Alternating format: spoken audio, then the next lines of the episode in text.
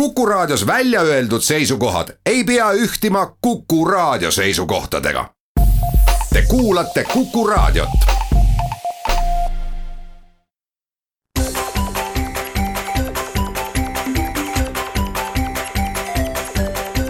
maksumaksja koostöös Eesti Maksumaksjate Liiduga.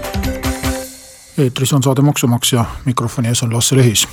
täna jätkan seeriat hea tujuga uude aastasse ja räägin, millistest maksumuudatustest meil kasu või kahju on. lisaks põhiteemale ehk viiesaja eurosele maksuvabale tulule, mis on palju pingeid juba ette tekitanud ja murekohti, on meil üht-teist muutunud seadustes veel ja, ja nende hulgas on ka maksumaksjatele küllaltki meeldivaid uudiseid, mis võib-olla sellise üldise fooni taustal ei tule alati nii selgelt välja. Ja täna räägiks kahest muudatusest, mis juba kehtivad, ehk võeti nad suvel riigikogus vastu ja, ja kuna need olid maksumaksjale soodsad sätted, siis neid oli võimalik juba esimesest juulist kehtestada ja puudutavad need transpordi ja majutuskulusid ehk erisoodustuste maksustamisel mõningaid uusi erandeid. Ja sissejuhatuseks äh, tuleks mainida ehk seda, et, et väga paljudes äh, rikastes riikides on juba aastakümneid tulumaksuga maksustamisel võetud arvesse seda, et töötaja peab tegema mõningatel juhtudel oma rahakoti arvelt päris märkimisväärseid kulusid selleks, et saada endale tasuv töökoht ja, ja seal siis ka edukalt karjääri teha. ehk meie oleme kinni selles mõttemaailmas, et tööandja peab kõik vajaliku tagama, olgu need tööriided, olgu need koolitus, õppevahendid, mis iganes. ja kui tööandja neid kulusid ei kata, ju need ei ole siis ka vajalikud. turumajanduses on olukord paraku natuke teine, et ka tööturul on konkurents ja töötajad on sunnitud mõnikord ka ise vaeva nägema, et konkurentsis läbi lüüa. meie tulumaksuseadus selles osas on muidugi üsna tõrjuv, et ei mingisuguseid koolituskulusid või oma kulu ja kirjadega mingite tööriistade ostmisi me oma tuludeklaratsioonis arvesse võtta ei saa. ja samuti oleme me lähtunud siiamaani sellest, et kui inimene peab ühistranspordile kulutama või isiklikku autot kasutama selleks, et tööl käia, siis me oleme seda tõlgendanud, et see on töötaja sügavalt isiklik probleem kui lähedal või kaugel ta juhtub oma töökohast elama, kui on sõidukulud liiga suured, müü oma korter maha ja koli mujale, noh hea öelda muidugi mõnes Eesti piirkonnas on see lihtne, mõnes piirkonnas suisa võimatu. ja samamoodi ei, ei näe meil maksuseadus ette mingeid vabastusi selleks puhuks, kui inimene peab näiteks teise linna korteri üürima selleks, et endale sobiv töökoht leida, mida kodupiirkonnas ei pruugi olla. nüüd on siis mõnes osas tehtud leevendusi, kuigi need leevendused lähtuvad sellest samast loogikast, et tööandja on see tark ja hea kes äh, otsustab ja kes teab, äh, millised kulud on vajalikud, millised mitte, ehk siis äh, töötajale endale mingeid maksuvabastusi ei anta. küll aga tööandjale on siis antud täiendavad erandid erisoodustuste paragrahvist, paragrahvi tulumaksuseaduse paragrahvist nelikümmend kaheksa käib jutt, lõiked viis primm ja, ja lõige viis ülamärgiga kuus. et et äh, kui varem sai räägitud spordi ja tervisekuludest, siis äh, räägime transpordi ja majutuse kuludest.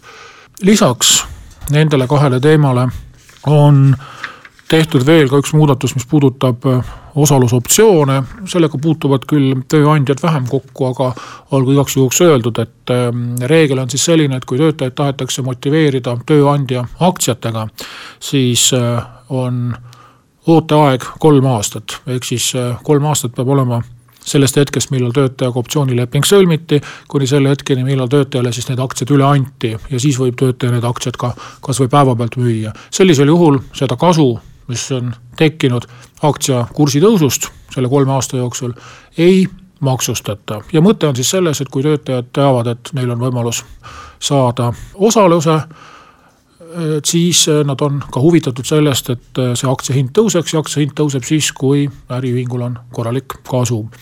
aga mis juhtub, kui kolm aastat nagu välja ei veeta, siis läheb kogu see optsiooni hind täies ulatuses maksustamisele. ja nüüd esimesest juulist on siis tehtud mõned erandid, et ähm, teatud juhtudel siiski seda maksustamist täies mahus ei toimu, vaid ainult proportsionaalselt kolmest aastast puuduva osaga. see on siis juhul, kui toimub nii-öelda full exit ehk äh, kolmas isik ostab ära kogu selle aktsiaseltsi sada protsenti aktsiaid ja ei ole enam nõus enda kõrval töötajaid osanikuks, väikeosanikuks võtma. ja teine variant on siis, kui töötaja kas saab surma või, või vigastada, nii et ta ei suuda enam äh, sellel töökohal äh, tööl käia ja seetõttu on sunnitud siis enne kolme aasta möödumist need aktsiad välja ostma või sellest optsioonist loobuma. ja kolmas äh, tehniline täiendus, et kui need optsioonilepingud on paberil allkirjastatud, siis selleks, et maksuamet usuks, et nad tõepoolest kolm aastat tagasi on alla kirjutatud, tuleb kas siis notariaalselt vormistada, digitaalallkirjaga leping allkirjastada või need maksuametisse ette näidata viie päeva jooksul. aga nüüd pärast väikest pausi räägime transpordist ja majutusest.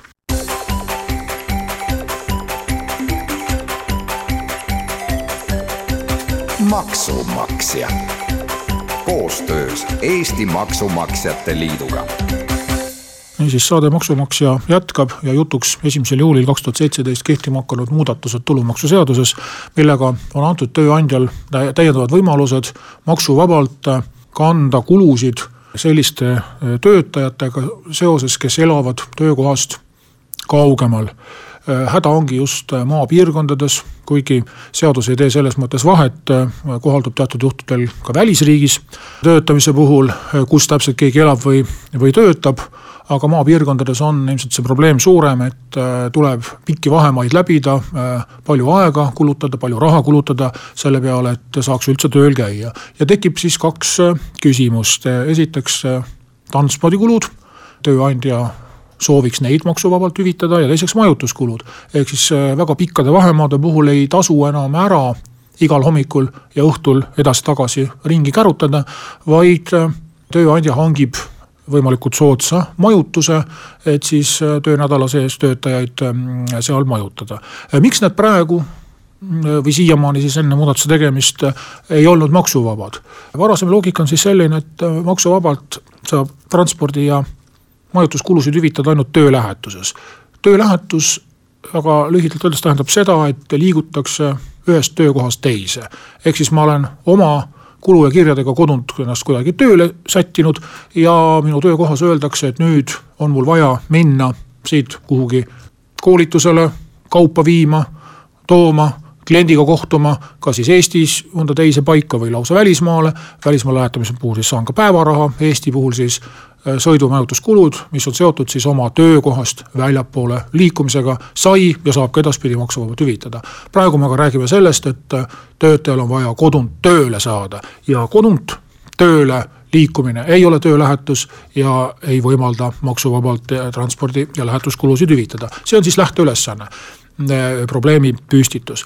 lahendus, mille siis seadusandja pakkus, on järgmine, transpordi puhul esiteks võimalus, mis oli seaduses juba varem ja on ka jätkuvalt, kui puudub normaalne ühistransport räägitakse siis mõistlikust aja või rahakulust, räägime siis öisest vahetusest, räägime mm, kuidagi maapiirkonnas, kus bussiühendus puudub, siis on võimalik kodu ja töökoha vahelisi sõite, olgu ametiautoga või taksoga või tellitud bussiliiniga kinni maksta ja nii ka edaspidi. aga nüüd on kaks uut võimalust teine variant on siis see, et äh, töötaja elukoht on vähemalt viiekümne kilomeetri kaugusel töökohast. ja kolmas variant on see, et äh, töötaja transpordis kasutatakse kas bussi või vähemalt kaheksakohalist sõiduautot. sellisel juhul ei ole ka oluline, kui kaugel see elukoht töökohast asub. ja samuti siis, kui on viiekümne kilomeetri äh, variandiga tegemist, võib hüvitada ka ühistranspordikulud. ehk siis, kui kodu asub töökohast vähemalt viiekümne kilomeetri kaugusel, siis võib ka igapäevaseid bussi- või rongipileteid või kuukaarte kinni maksta, et siis ei ole enam seda lisatingimust, et, et ühistranspordi võimalus puudub nagu ma ütlesin, ei ole siin oluline, kas see töökoht on Tallinnas või, või, või mõnes suures linnas või väikses linnas, oluline on just see, et konkreetse töökoha ja elukoha vahel oleks vähemalt viiskümmend kilomeetrit, mida võib siis suvalise kaardirakenduse pealt äh, väga täpselt järgi mõõta. aga puudutab ka näiteks välismaalaste palkamist, et kui võetakse Eestisse hooajatööle näiteks mõni Ukraina elanik, siis elukoht on tal jätkuvalt Ukrainas, mis on igast Eestimaa punktist oluliselt kaugemal kui viiskümmend kilomeetrit ja kogu Eestis töötamise aja saab eh, siis nende majutuse, korteri üürikulud kinni maksta, pluss siis sõidu Ukrainast Eestisse ja tagasi. kas nüüd seda just silmas peeti, aga ka sellele juhtumile eh, see seadusemuudatus kohaldub. ja majutuse puhul on siis samamoodi eh, kaks tingimust, viiskümmend kilomeetrit elu ja töökoha vahel aga siin on nüüd täiendavalt majutuse puhul veel jälgida seda, et töötajal ei tohi olla endal siis eluasemena kasutatavat kinnisvara.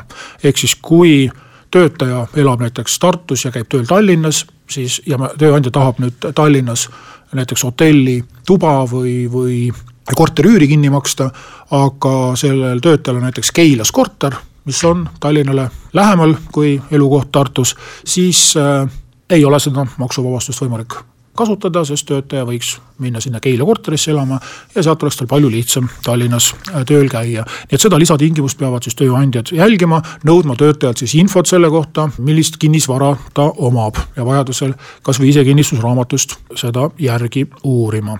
ja on ka summaline piir kui see majutus toimub Tallinnas või Tartus, äh, maksuvaba hüvitis kakssada eurot kuus, mujal silmas on peetud küll Eestit, äh, mujal Eestis siis sada eurot kuus.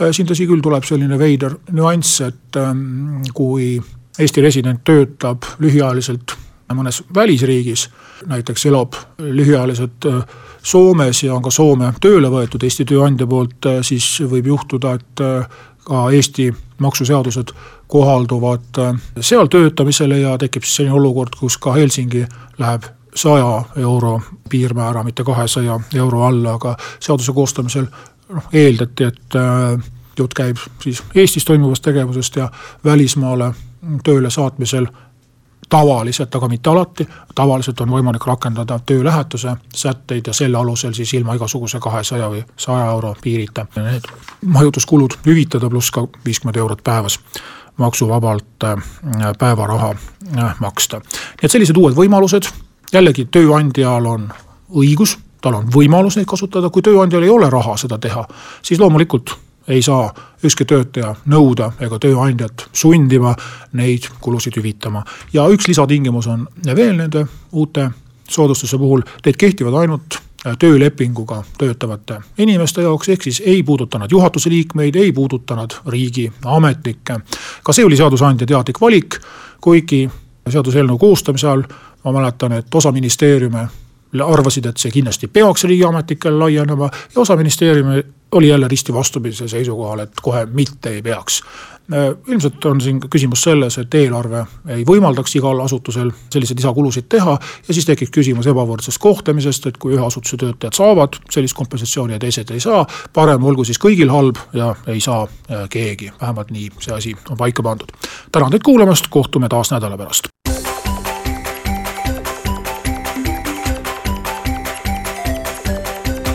Maksumaksja. Koostöös Eesti Maksumaksjate Liiduga